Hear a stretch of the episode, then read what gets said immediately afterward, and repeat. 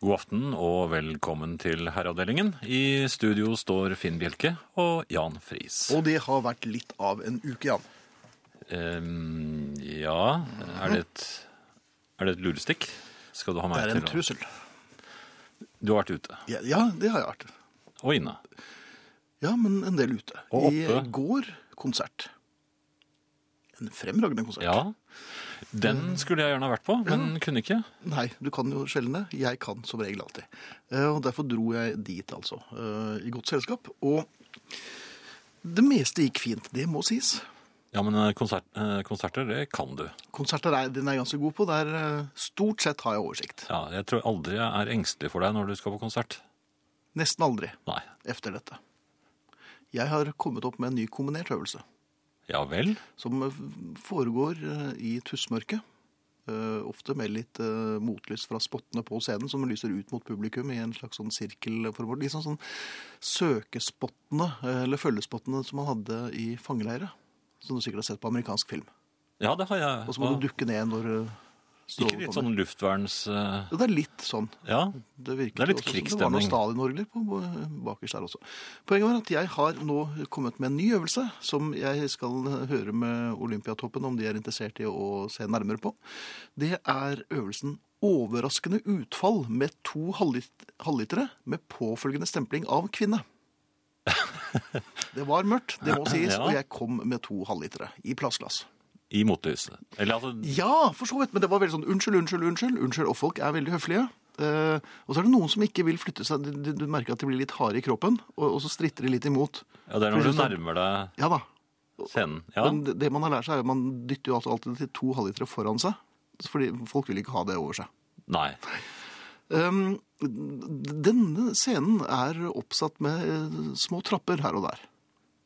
Jaha, Ja. du begynner å ane og meg. jeg, jeg syns at, at øvelsen hadde gått fint. Altså øvelsen to halvlitere på, på direkten. Du lå foran skjema. Jeg lå foran skjema. Ja. Jeg syns det gikk fint. Unnskyld, unnskyld, unnskyld, og ikke minst unnskyld. Og var nesten fremme ved, ved plassen min. Mm. Eller det, det som jeg trodde var plassen min. Eh, For du hadde Så kom det en trapp til. Eller et trinn til. Så, ja vel, Altså, det var som en, bare en, en totrinnstrapp. ikke dukket plutselig opp ja, av det, intet? dette, virker, dette virker som de har bygget på eller gravd ned mens jeg var i baren for å hente denne ølen. Så de bare Ja, Ja. Så det siste trinnet kom litt brått på meg, for da trodde jeg jeg var på sikker grunn. Ja. Da, da ble det som et slags sånn der, du kan tenke deg et utfall, sånn som du gjør, ikke sant? Og går ned, og nærmest for å fri. Ja. Så gikk ja. ned på venstre kne, den smalt jo da eh, Rett i trappen, i trappen. kanskje? den kom ikke helt nede i trappen, for jeg klarte liksom å ta meg igjen, så jeg strakk hele muskler i ryggen. Og så fikk jeg den høyre foten helt foran meg. To halvlitere som jeg tviholdt på. Litt, og det var ganske dumt, for dette var altså plast. Myk plast. Så la meg forsiktig antyde at jeg hadde ikke så mye igjen av ølen da jeg uh, gjorde et helt fremragende telemarknedslag. Syns jeg. Jeg sto fjellstøtt med to som en jeg vil ikke si Adonis, men som en, en, en, en, en ordentlig sporty fyr. Men du gikk ikke over ende? Jeg gikk ikke over ende, heldigvis, for jeg trampet eh, så hardt jeg kunne for å markere nedslaget på conversen til, altså gymskoene til en dame som sto der. Med ettfølgende brøl. Eh, hun kom en pikelyd. Jeg, Du, du forventet applaus, går jeg ut fra. I, det ble nok notert. og ølen sto vel som uh, sånn geysirer opp av uh... De ble jevnt, fordelt over eh, publikums... uh, Og den pikelydinnehaveren. Nei, hun fikk, hun fikk bare foten min opp på sin fot. Ja, det er nok det, altså. Hun fikk også en unnskyldning. Jeg merket at den ikke holdt i noe særlig grad også. Mens du fortsatt sto i frierstilling. Ja, det gjorde jeg. Uh, Så det var slags- nedenfra opp-unnskyldningen? Det var nedenfra opp med belgisk åpning, og altså øvelsen overraskende utfall med to halvlitere med påfølgende stempling av kvinne med markert telemarknedslag, er nok en øvelse som er kommet for å bli, altså. Men fikk du ikke noe, ikke noe respons fra henne? Det, det var imponerende. Jeg skyndte meg Jeg bort til tror dette er plassen min. norsk rekord, som- Ja, ja, det virket som det var det. Det var i hvert fall en kretsrekord. Ja. Så mye kan jeg si. Herreavdelingen. God morgen, mine damer og herrer. Vel møtt til morgengymnastikken. To sardinkasser på gulvet. Ett ben på hver kasse og en skinke i hver hånd. Knebøy og skinkesving og benløfting til siden, oppad, remad og bakut. Begynn.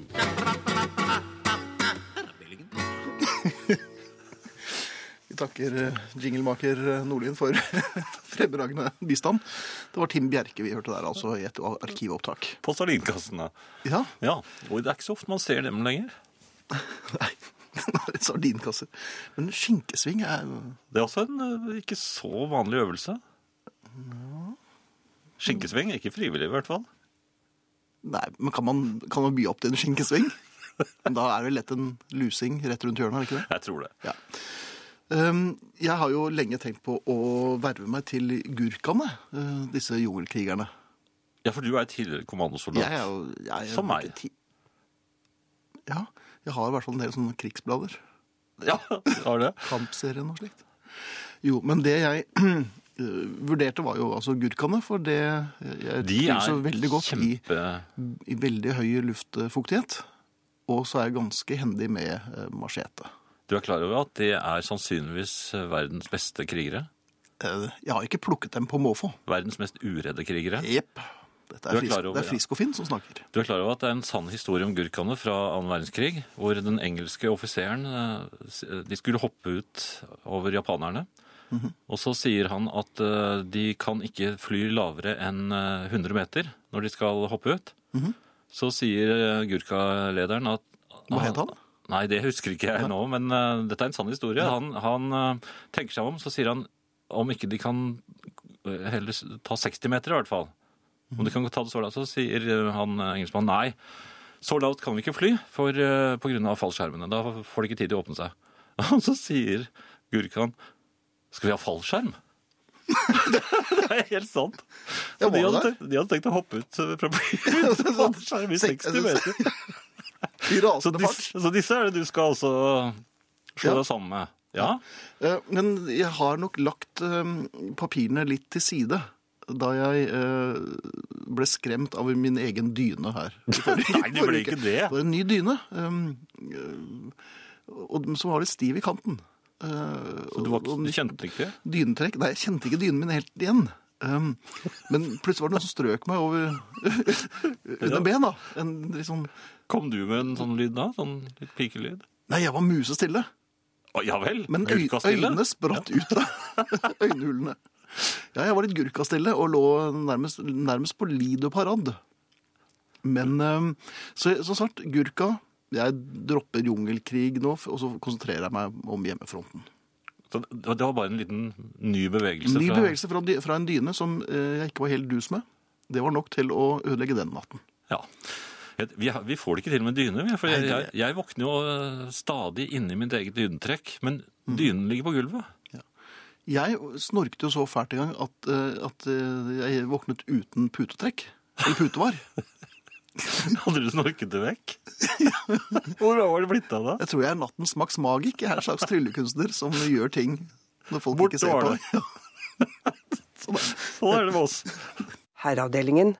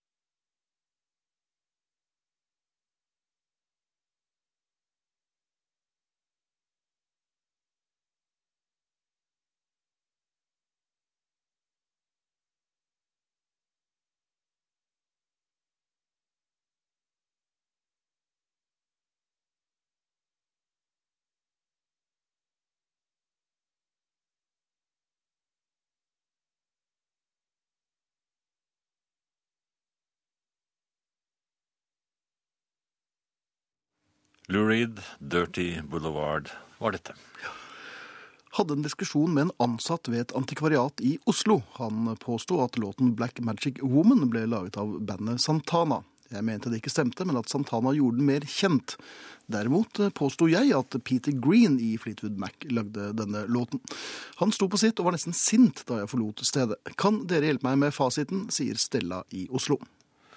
Du må bare slutte å gå i den butikken, tror jeg, for det var da en person som ikke har greie på det han står og selger. Det er helt riktig. Peter Green som har skrevet det. Og det er Fleetwood Mac som spilte inn originalversjonen av den Absolutt. melodien. Ja. Den er vel så god som Santanas, selv om Santanas er noe fyrere i eh, Ja, men den takten. går litt av sted, liksom, litt rundt omkring. Jeg syns Fleetwood Mac holder seg til saken.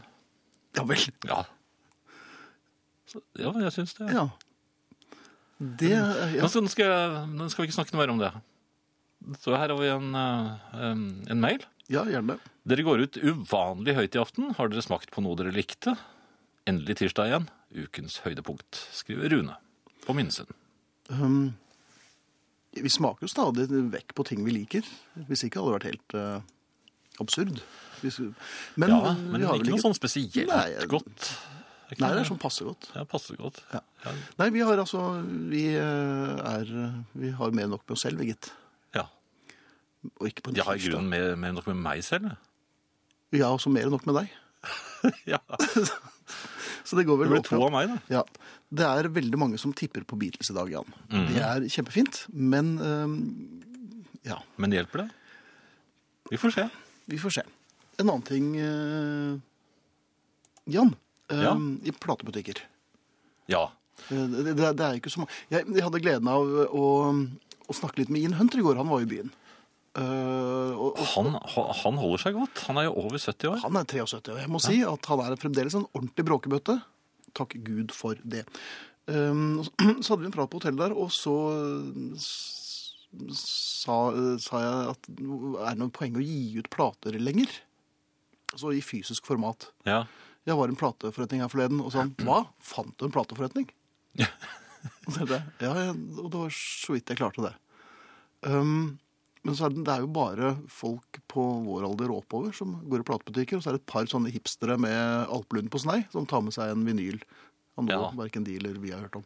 Um, men det er jo ikke noe morsomt å gå i platebutikk lenger. Nei, Jeg hadde jo en fast platebutikk i Arendal, i Arendal, som, hvor jeg hver eneste sommer, de gangene jeg kom til Arendal i løpet av sommeren, så Ja. skulle jeg alltid innom der og titte selv når jeg egentlig visste at jeg hadde det jeg trengte. For det, det var ikke noen en spesielt godt, det var ikke noe spesielt godt utvalg der, det var et brukbart utvalg. Ja. Men i sommer, da jeg dro til det vanlige stedet, så var den nedlagt. Borte var den. Var det borte? Helt borte. Jaha. Så, og de forsvinner jo stadig. Jeg har jo sånne øh, nostalgiske erindringer om spesielle platebutikker i Oslo by, som jeg var spesielt glad i. Og de er jo aldeles forsvunnet. Og det er ikke sikkert Jo, du husker sånn som HP Hagen og sånt nå i, i Bogstadveien? Ja, selvfølgelig. Husker Ja. man jo den slags. Men eh, bare, det bare slår meg at uh, her er man også en utønder også. Men det er greit. Ja, men er man helt det? Fordi det, det, det er jo Ja gode nyheter her. Altså, det, du, du nevnte vinyl, og det er jo faktisk det formatet som er det som øker mest. Ja, Men det er så vidt marginalt. At, eh, Øker mest. Vi må holde oss til det nå. da. Ja, du ble litt tabloid i formen. God aften, herrer. Jeg malte utendørs på siste vers i dag. Må klare meg selv når jeg ingen mann har, og da tar det litt tid å male heimen. Og gleder meg veldig til aftens skjønne herreavdelingen. Jeg sitter nå klar med ørene godt brettet ut for å få med meg alt. Så tipper Beate på en Beatles-sang, og så får vi se om det holder stikk. Men Beate, du skylder på at du ikke har noen mann, men jeg kan love deg at hvis du hadde hatt denne mannen, eller kanskje han der borte også, så tror jeg ikke det hadde blitt noe mindre maling på deg. altså. Ja, det blir sånn Jackson Pollock-variant. Antageligvis. eventuelt så måtte du ha malt om igjen. Jo, jo. Men det hadde vært to menn innom, da. Ja, det hadde det. Ja, men ikke akkurat Gurka-soldater. Herreavdelingen. Hei, var innom butikken forleden dag. Skulle bare kjøpe melk og brød. Med brødet i armen løftet jeg ut melken fra melkeskapet. Melken spratt ut av hånden, falt fra håndhøyde. Rett ned på gulvet. Melkekartongen lå på siden, skrukkete, men ok. Jeg turte ikke å legge den tilbake for å hente en ny, da tre ansatte like ved sto og fylte på med varer. Så jeg måtte kjøpe den. Kunne jeg ha byttet den? spør Trond. Eller engstelig Trond. som jo helt klart er eh, en herreavdeling-kandidat. Altså Det jeg ville gjort, eh, Trond, det er hvis, hvis du var Er du, no, er du i det hele tatt klar over hvor skummel den setningen høres? Hørtes jeg som en lege nå? si, ja, nei, men bare si det en gang til. Nei, men jeg husker ikke hva jeg sa. Ja, vet du hva jeg ville gjort? Men det er ingen som vil gjøre sånn ja, men det er ingen som vil gjøre sånn du ville gjort. Ja, men hør nå her. Ja. Hvis du var observert, eller under observasjon av tre ansatte, så er, det, er jeg helt enig med deg. Det er litt risikabelt å sette melken inn. Men hadde du gjort det resolutt, og med en ja, nesten truende mine, så tror jeg ikke de hadde sagt noe. Men det er veldig fort å bli engstelig der, og da blir man knepet. Da begynner de å snakke til deg, og da har du tapt. Det andre du kan gjøre, og som er mye tryggere, det er å ta melken med deg i, i vognen din, kjøre rundt hjørnet, og da setter du den bare fra deg, hvor som helst. Nei, det kan du ikke Jo, det kan du gjøre. Slipp den ned i fryseren for den saks skyld. Det ikke... Så tar du en ny runde og henter en helt ny, og går og kjøper den. Men hvis det samme tre som sto og fylte på varer, fremdeles står der Jo, men du kom på at du, du, behøver ikke ta med deg vognen bort, du, for den har du parkert på det trygge stedet. Bør du da si høyt mm, jeg lurer på om jeg kanskje skal ta med én liter melk til, jeg, gitt? Hvis du er engstelig, så bør du gjøre det. Ja, Det kan nok tenkes at Trond kanskje er litt uh, Engstelig? Ikke er gurkemateriale, han heller. nå var det et dårlig råd jeg ga, for da, nå oppfordrer Nei, jeg til å ødelegge eh, melken. Eh, Du kan selvfølgelig uh, levere den i kassen og si at uh, vet du hva, Ærlig talt, dette Den- kan jeg ikke selge. denne her, du ser den er skadd, Ja, skjemt. Kan man bruke det ordet? Den Det er kan man gjerne, men ja. Kartongen er skjemt. Ja. Så jeg tror jeg går og henter en ny. Mhm. Den er banker. For da har du overlatt til kassa damen eller mannen, og har, vedkommende har da fått ansvaret for at melken holder seg og forblir kald. Så da slipper du Selv i skjemt kartong, altså. Ja, og da slipper du å se de tre ansatte igjen. I dag. Ja. Saken løst. Ifølge herr Friis, altså. Siden jeg skulle på trening, var det min kjære som kom hjem først i dag, og avtalen var at han skulle ha middagen klar til jeg kom. Enkelt og grei. Varme opp fårikål fra i går. Men er det vanlig for herrer å ikke komme på at det skal være poteter til, eller er gift med en over middels distré utgave av arten? Sier Marit, fortsatt undrende efter 30 år. Han har nok tenkt som så at ø, ok, jeg skal, ø, det er mitt ansvar å lage maten, men å, puh, vi skal bare varme opp fra i går. Ja. Da er det ikke noe problem. Så da har han kost seg og hatt eh, kvalitetstiden sin, som han da får når konen er ute. Hva, hva sa du nå? At Kvalitetstiden sin, som han da har når konen er ute. det var det du sa, ja. Ja. Ja. Ja, for eksempel spilt platene sine, eller eh, gjort sånne ting som, som koner ikke syns er så interessant. Det er altså Jan Friis som snakker nå, i tilfelle det er noen som har problemer med å skille mellom disse to stemmene. Jo, men det var du som ga meg denne huskelappen. Men i hvert fall, Ja. det, det vil jeg da eh, ta som en forklaring på at han da glemte potetene. Rett og slett. Men -hmm.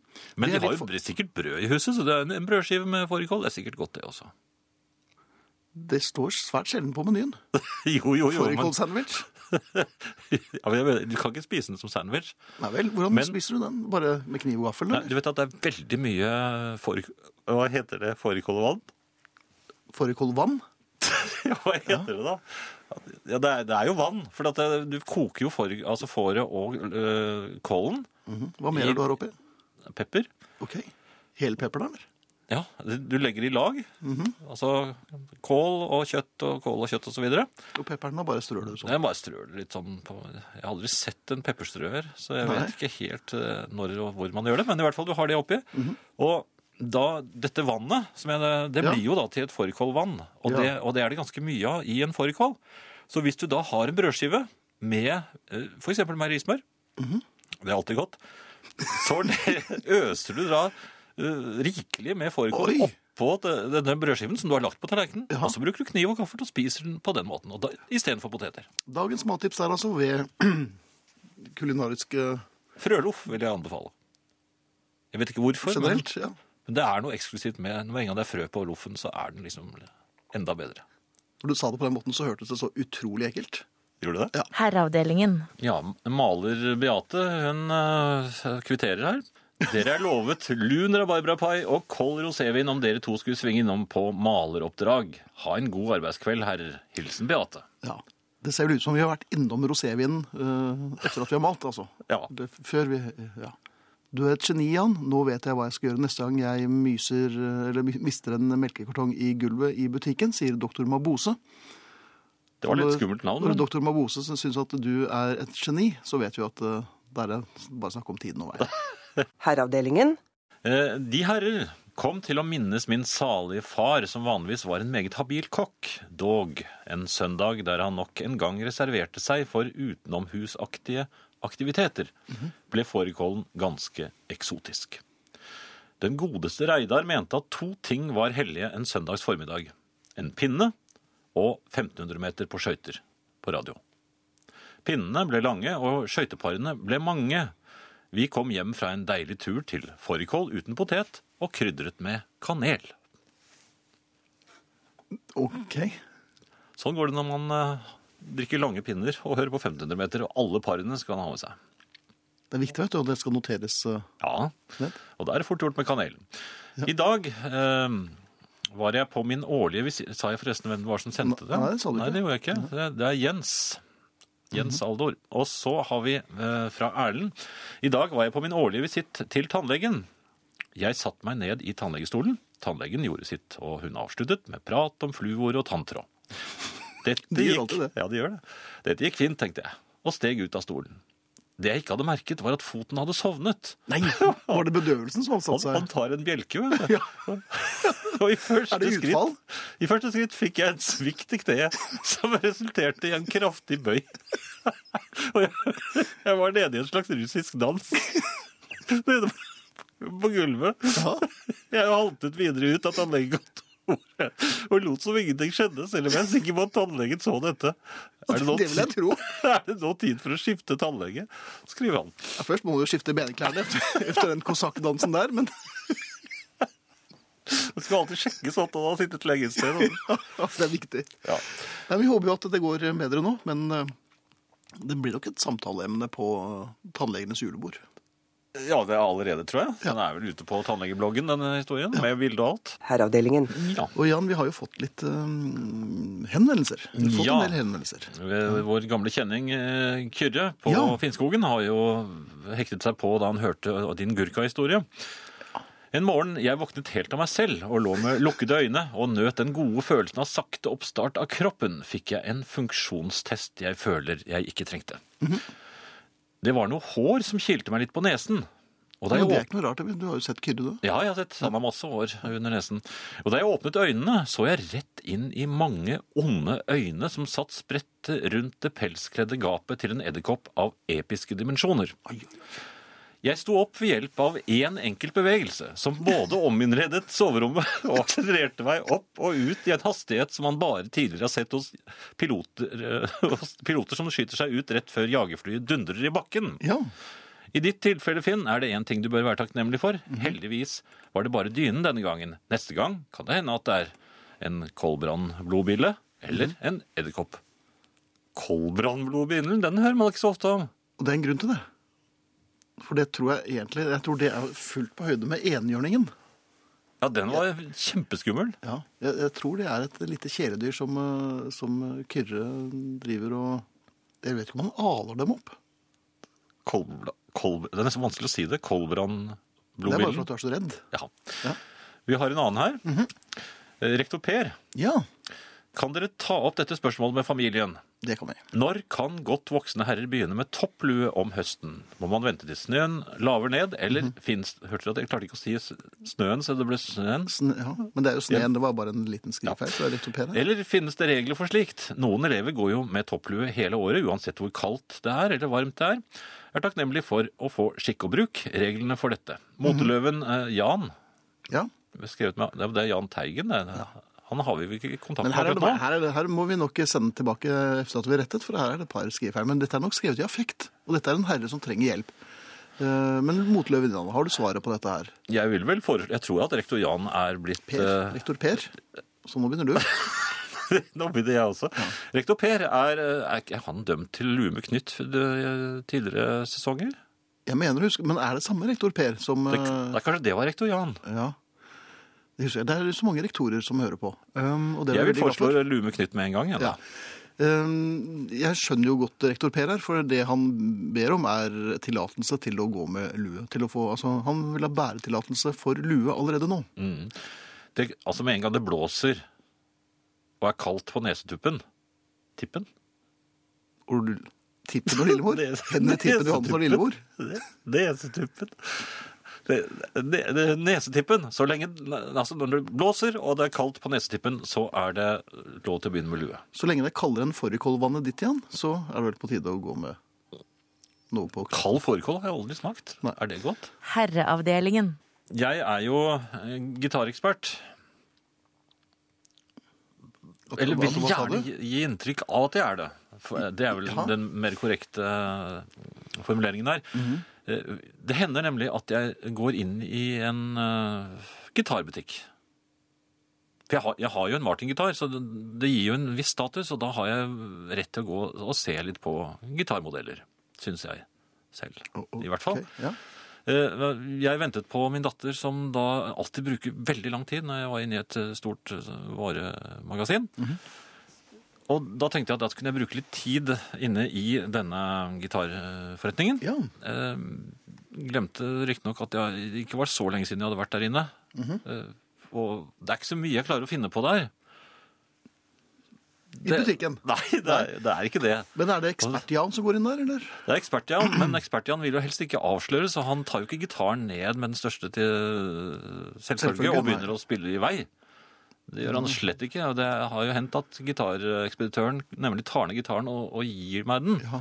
Og da står eksperten bare og kjenner litt sånn på den. Og, Med kjennere mine? med kjennene mine, ja, absolutt. Ja, Og kjenner prøvene på strengene. Altså, hm, og ja, det var fint. Prøver du å altså. bøye gitaren litt for å se hvor myk den er? Ja, det også. Da, for det er det, er, det, det, er det kjennere gjør. Men i hvert fall så gikk jeg da bort til Fender-gitarene. Du gikk inn i Jeg, jeg har et Apropos Fender-slåtten. Jeg har, Ja. nei, men jeg har et hemmelig ønske om en Fender Stratocaster. Det har jeg hatt i mange, mange mange år. Jaha. Jeg har lyst på det.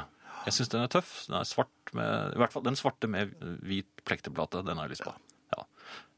For det har sett på film. Ja. Amerikansk. I hvert fall så gikk jeg da bort til disse, så kom ekspeditøren da umiddelbart, fordi han hadde tid. Og da Litt for mye tid, og det, det plaget jo gitarekspert Friis. Ja, litt fordi at jeg hadde anlagt eh, kjenneminnen, og så bladde jeg på en måte gjennom disse gitarene som hang eh, på veggen der. Blar man? Ja, du kan på en måte bla gjennom dem. Ja. Og, og så sier jeg da med kjenneminnen at eh, disse er amerikanske, ja. Og så, så sier han da at ja, Hvordan kjenner du det? så sa han ja, det er vel ikke så vanskelig å se, sa han, i og med at det er et amerikansk flagg som st står på alle. Ja. um, ja, så, så, men så dro jeg da frem uh... Nei, ikke der, i butikken. Nei, jeg dro fre- frem en av eh, den svarte eh, fenderen som hang der. Så Ja. sa, jeg- men denne her, for den hadde ikke amerikansk flagg. Så jeg sa litt sånn eh, anklagende, og, og litt sånn kjenneraktig. Okay. Men denne er vel av det, Dette er jo en meksikansk bygget, sa jeg da. Meget uh... Ja. Du slo, kategorisk slo det fast? Ja. Ja. Og, og, og syns at den hadde litt stiv pris til å være meksikansk bygget, for disse amerikanske er jo bedre. Så Er sier, så sier da ekspeditøren at uh, nei, dette er eh, ikke noen Fender. hvis, du ser, Men, men, og gitarekspert Friis falt litt sammen, kanskje? hvis du løfter blikket og leser øverst der, så står det Sandberg. Så, sa han. Og, og den er laget i Amerika. Ok. Jeg er ikke helt sikker på om det var Sandberg det sto, men det var noe sånt nå. Ja. Ja, jeg- kunne ikke så mange andre gitarer da. Nei. Nei. Han hadde til og med Glenn Gibson mens han sto der. Ja. Ja vel. Så gi- gitarkjenneren bare mm, rømmet seg og, og skyddet seg ut, for det var jo ikke noe mer annet å finne på da enn å kjøpe seg en is. Og det ble da epleis med kanel igjen, Ja vel, akkurat som, som jeg spiste altfor fort. Og det er jo også et råd jeg vil gi dere der ute. Ikke spis kulis så fort som jeg gjorde, for du blir veldig kald i maven din. Ja, dette fant du ut av sin alder 60. Frøs i maven, det var en en ny følelse. Ok, Fra gitarekspert til isnovise. Her, her, her, heravde, heravdel, heravdelingen. Bjørn har sendt en uh, mail her. Her om dagen var jeg oppsatt med et møte på et offentlig kontor. Hun jeg var i møte hos skulle ut og hente noen papirer hun ikke hadde tilgjengelig, men ble borte. Jeg satt rett innenfor døren og slik til at jeg så bortover gangen, og etter noen minutter kom endelig møtedamen slentrende med en kaffekopp og et småfjernt blikk som mer enn antydet at hun helt hadde glemt meg. Idet hun kom inn på kontoret og plutselig oppdaget meg, skvatt hun, satte i et høyt skrik og kastet kaffen i veggen bak seg med et spasmisk håndtrykk. Håndrykk, unnskyld. Flere av kollegene hennes kom ilende til mens hun sto og støttet seg til bordet og med kaffe som rant nedover veggen bak henne. Jeg måtte gå hjem med uforrettet sak og ny time til uken. Er det ikke ofte slik? Der var det usynlige. Ja, men det er flere som sliter her, skjønner du. Apropos ben som sovner, var på sent 70-tall aktiv i utelivet i Oslo, var samtidig en arbeidstager som alltid stilte opp om morgenen. På den tiden var det trange bukser med lavt liv og platåsko. Tidlig en morgen etter en lang natt på byen, smekkfull eh, T-bane, den eneste ledige plassen var stangen ved utgangen. Der tar jeg armene rundt Kan ikke lage sånne lyder. Der tar jeg armene rundt stangen, stikker hendene i lommen, legger bena i kors og sovner. Våkner med bena i kors, hendene fastlåst i lommene og armene rundt stangen. Kommer ikke løs og må få hjelp av to menn som må løfte meg opp. En meget flau gutt gikk av ved første anledning. Tok alltid et senere tog etter denne episoden. Med vennlig hilsen Steinar Viking Hamar. Ja. Og vi har flere sovende. Absolutt. Jeg hørte om mannen som besøkte tannlegen og fikk oppleve hva en, et sovende ben kan føre til på tannlegekontoret. Min gamle nabo Hans var bonde og hadde mange verv. Han satt i f.eks. Sparebankens styre og hadde derfor stadig æren i byen. Byen var Larvik, og etter æren i byen gikk einens bønder alltid på meieriets kafeteria, Melkestua. Han oppsøkte Melkestua og inntok en bedre middag sammen med venner. Etter disse middagene var det obligatorisk å sitte lenge med korslagte ben og drikke kaffe og røyke rullings. Sånn Men- indianerbank? Ja, det. Men da det nærmet seg tiden for å ta bussen hjem, måtte han reise seg og gå. Etter å ha sittet med bena i kors i evigheter, var selvfølgelig bena hans sovnet. Idet han selvfølgelig var i ferd med å deise i gulvet, prøver han å holde seg fast i noe. Ja. Ja. Han greide da å klasse både høyre og venstre hånd oppi hver, hver sin rykende porsjon lapskaus.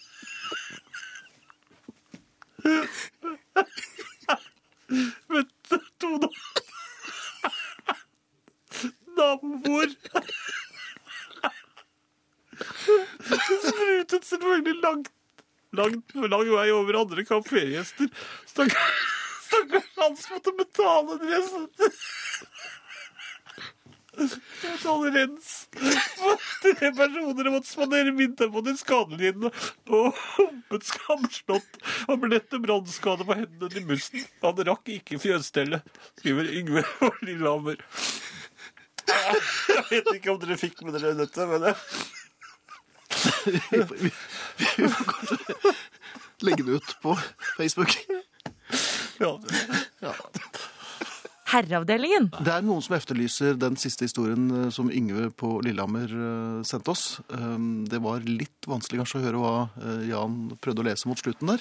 Jeg hjalp ikke akkurat til, jeg heller, så den ligger ute på Facebook-gruppen. Ja, på herreavdelingen. Ja. Hvis dere går inn der, så finner dere hele mailen og kan lese den i ro og mak for hverandre. Gjerne høyt og med litt skingrende stemme. Ja. Ja. Eh, tenkte jeg bare skulle fortelle deg hvordan jeg kom meg på jobben i dag. ja, dette gleder jeg meg til.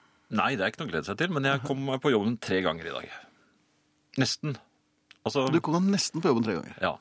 Fordi at eh, Og dette dreier seg altså om kaffemaskinsyndromet. Eh, Ja vel. Ja. Jeg dro av sted. Hadde lukket hunden inn. Hun liker jo ikke det å være alene i huset, så jeg Er du sånn som drar hunder inn i biler? Nei, Nei. Et, nei, hun har sitt eget rom. Ja, okay. eller, sånn, eller hun bor på det rommet når vi ikke er hjemme. og, og da er hun litt trist, og så godsnakker jeg med henne, og så går jeg. Og så kjører jeg av sted. Eh, har nesten kommet frem på jobben da jeg begynner å lure på om jeg husket å slå av kaffetrakteren. Ok. Og så får jeg en sånn tvangstanke på det. For jeg tenker nei, selvfølgelig har jeg gjort det. Jeg gjør jo det hver eneste dag, så jeg har helt sikkert eh, sett det. Til slutt så klarer jeg ikke å, fri meg for det. Jeg tenker, Så blir, får jeg sånne brannvisjoner. Og hun Hva? Som Bergens? Nei, ikke sånn brann. Og hunden som uh, sitter alene Fortapt i de Fortapt, flammene? ja, Og, og Flammehav, Beatles-platene. Jeg tenkte kanskje først på dem. på det? Ja. Og hunden. Nesten samtidig. Ja. Ja. I hvert fall så snudde jeg. Og kjørte tilbake igjen. ja. Med en menneske. Ja. Eh, sjekket da at, eh, at kaffemaskinen var avslått, og det var den. Jeg hørte gledeshyl fra hunden, som da trodde jeg hadde kommet hjem. Ja, var det gledeshyl? Ja, det, den, ja for da vil den ikke være der lenger. Hun blir veldig lykkelig. Og hunder har ikke noe tidsbegrep. Vet du. Altså, de, de, for henne så har hele dagen gått. Ja vel. Så hunder er ikke som mennesker, altså? Nei, de er mer som gullfisk, sånn sett. Ok. Så, eh, så jeg, jeg kan jo ikke da gå opp og trøste henne, så jeg må bare late som jeg ikke var hjemme, og så skynde meg ut igjen. Hvordan later man som man ikke er hjemme når det er en hund i huset? Knirke så lite som mulig. Og så, Ja, men da bråker man jo enda mer. ja, jeg vet det. Ja. Og det vet jo hun òg. Ja, selvfølgelig. Kommer meg ut, setter meg i bilen, kjører av sted til jobben. Flott. Ja da, nesten fremme. Ja. Mobiltelefonen, Den hadde du skrudd av. den hadde jeg glemt. Den hadde du glemt. Den hadde jeg lagt fra meg på kjøkkenbenken da jeg kom inn for å sjekke kaffemaskinen. Uten eh, mobiltelefon så eksisterer du ikke i dag. Det er litt hard tid, men jeg skjønner hva du Ja, mener. jeg funker, ja, på jobben har vi ikke noen andre telefoner. Nei. Jeg får ikke tak i noen, og ingen får tak i meg. Og, Litt deilig, egentlig. Ja, på en måte, men Ja. ikke når du skal jobbe. Nei. Nei. Altså må jeg snu og kjøre tilbake igjen. Og nå er jo gledeshyllene om mulig enda eh, høyere fra Ja. hunden. Henter mobiltelefonen, kjører på jobben, kommer da en time for sent. Ja. Ja. Og dette er et syndrom, mener jeg. Ja. Det der at du tror, altså Telefonen det er sånn som kan skje, da, selvfølgelig, men den ble jo da utløst av kaffemaskinsyndromet, eller kokeplatesyndromet, som mange også vel vil kalle ja. det. De fleste vil bare se på dette som tvangstanker. Jo, men det er mange som gjør dette her. Det er det sikkert. Du kjenner deg ikke igjen? Jo, det gjør jeg. Har du skrudd av platen i dag? Jeg gjorde det rett før jeg dro opp til deg for å skru på trakteren din. Jo, men er ikke det rart? Jo da, men vi har jo sånn Nei, jeg kjenner meg igjen. Det tror jeg alle gjør. Herreavdelingen. Den skotske forfatteren Robert Louis Stevenson plasserte sine romanfigurer Dr. Jekyll og Mr. Hyde i London på 1800-tallet. Derfor vil det sikkert forbause mange at Dr. Jekyll og Mr. Hyde lever i henholdsvis beste og verste velgående i dagens Norge. Ja, faktisk under mitt tak. De er faktisk meg. Dr. Jekyll er meg med blodsukkeret over parikurs, og Mr. Hyde er meg med blodsukkeret under parikurs. Og legg merke til at jeg ikke fornærmer dere lyttere ved å kort oppsummere handlingen i romanen. Jeg tar tvert imot et visst litterært kunnskapsnivå for gitt, og betrakter dere ben frem med velvilje. Utelukkende fordi jeg nettopp har spist kveldsmat. De andre medlemmene i husstanden vet godt at pappa synes alle er dumme når han er sulten. Det interessante er at overgangen mellom tilstrekkelig og kritisk lavt blodsukker er like umerkelig som en influensa. Akkurat som du kan være frisk det ene øyeblikk og klein som en kråke det neste, så bare tilter noe oppi hodet mitt på et punkt som er umulig å forutse. Og da er både fanden, Bal, Antikrist og en god del andre kranglevorne eksistenser fra underbelyste nabolag løs.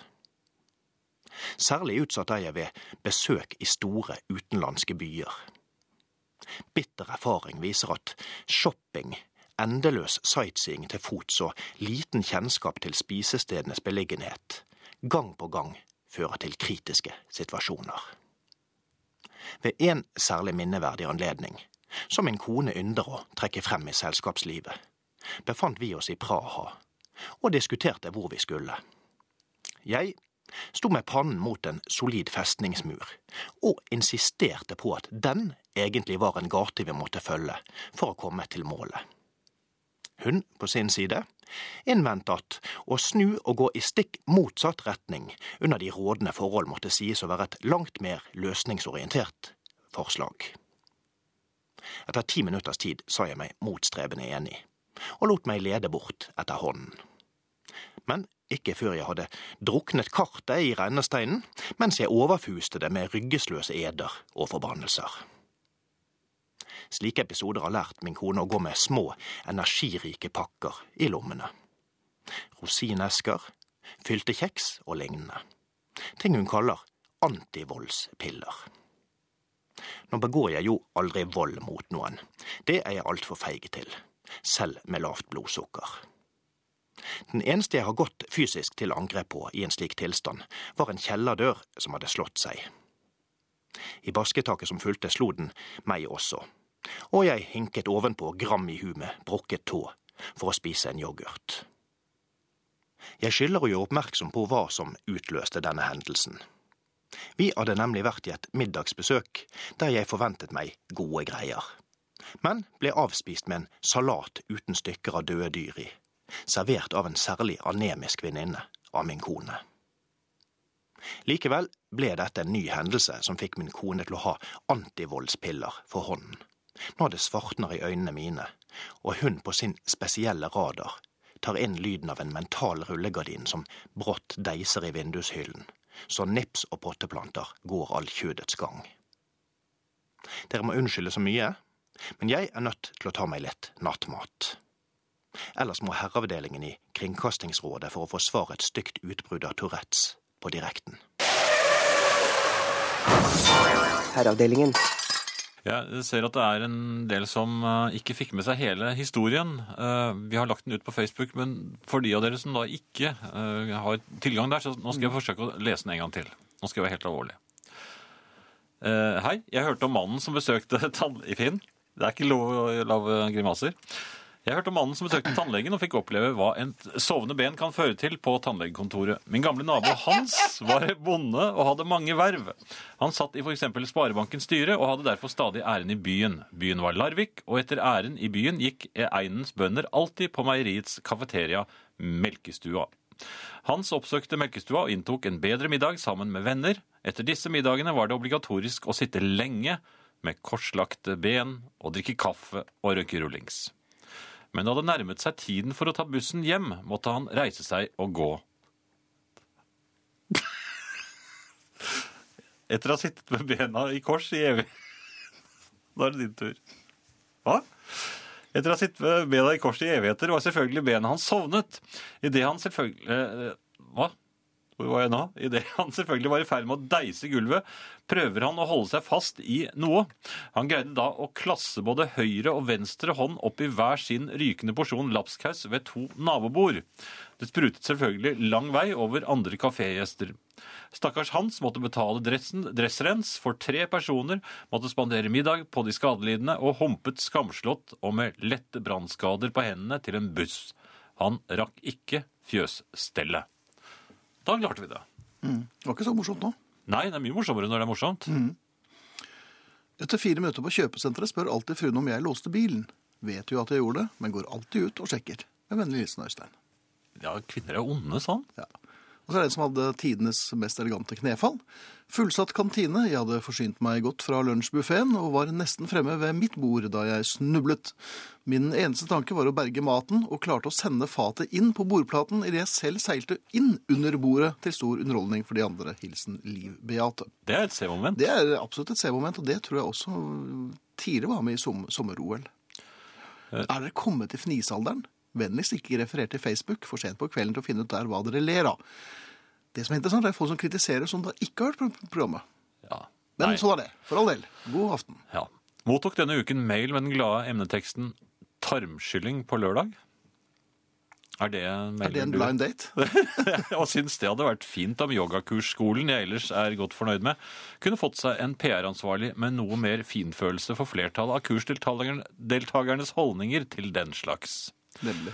Burde jeg sendt dem en mail om at jeg i grunnen har bedre ting å gjøre på lørdag, mon tro? Tarmskylling er jo ikke noe sånn, det er ikke noen innertier, det er ikke det de fleste tenker. det er jo en tenker. eh, samtaleåpner. Det Lørdag, det blir godt å få renset litt. Jeg vet ikke. Ja.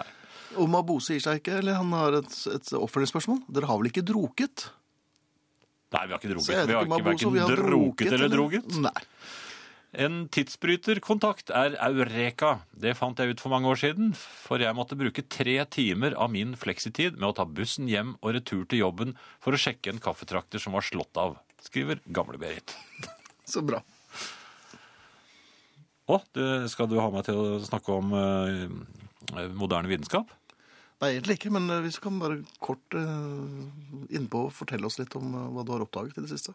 Nei, altså du, du husker at jeg fortalte om eh, min, eh, min oppfinnelse? Altså dette det toget som går tvers gjennom jordkloden? Fritt fall-toget? Ja, ja.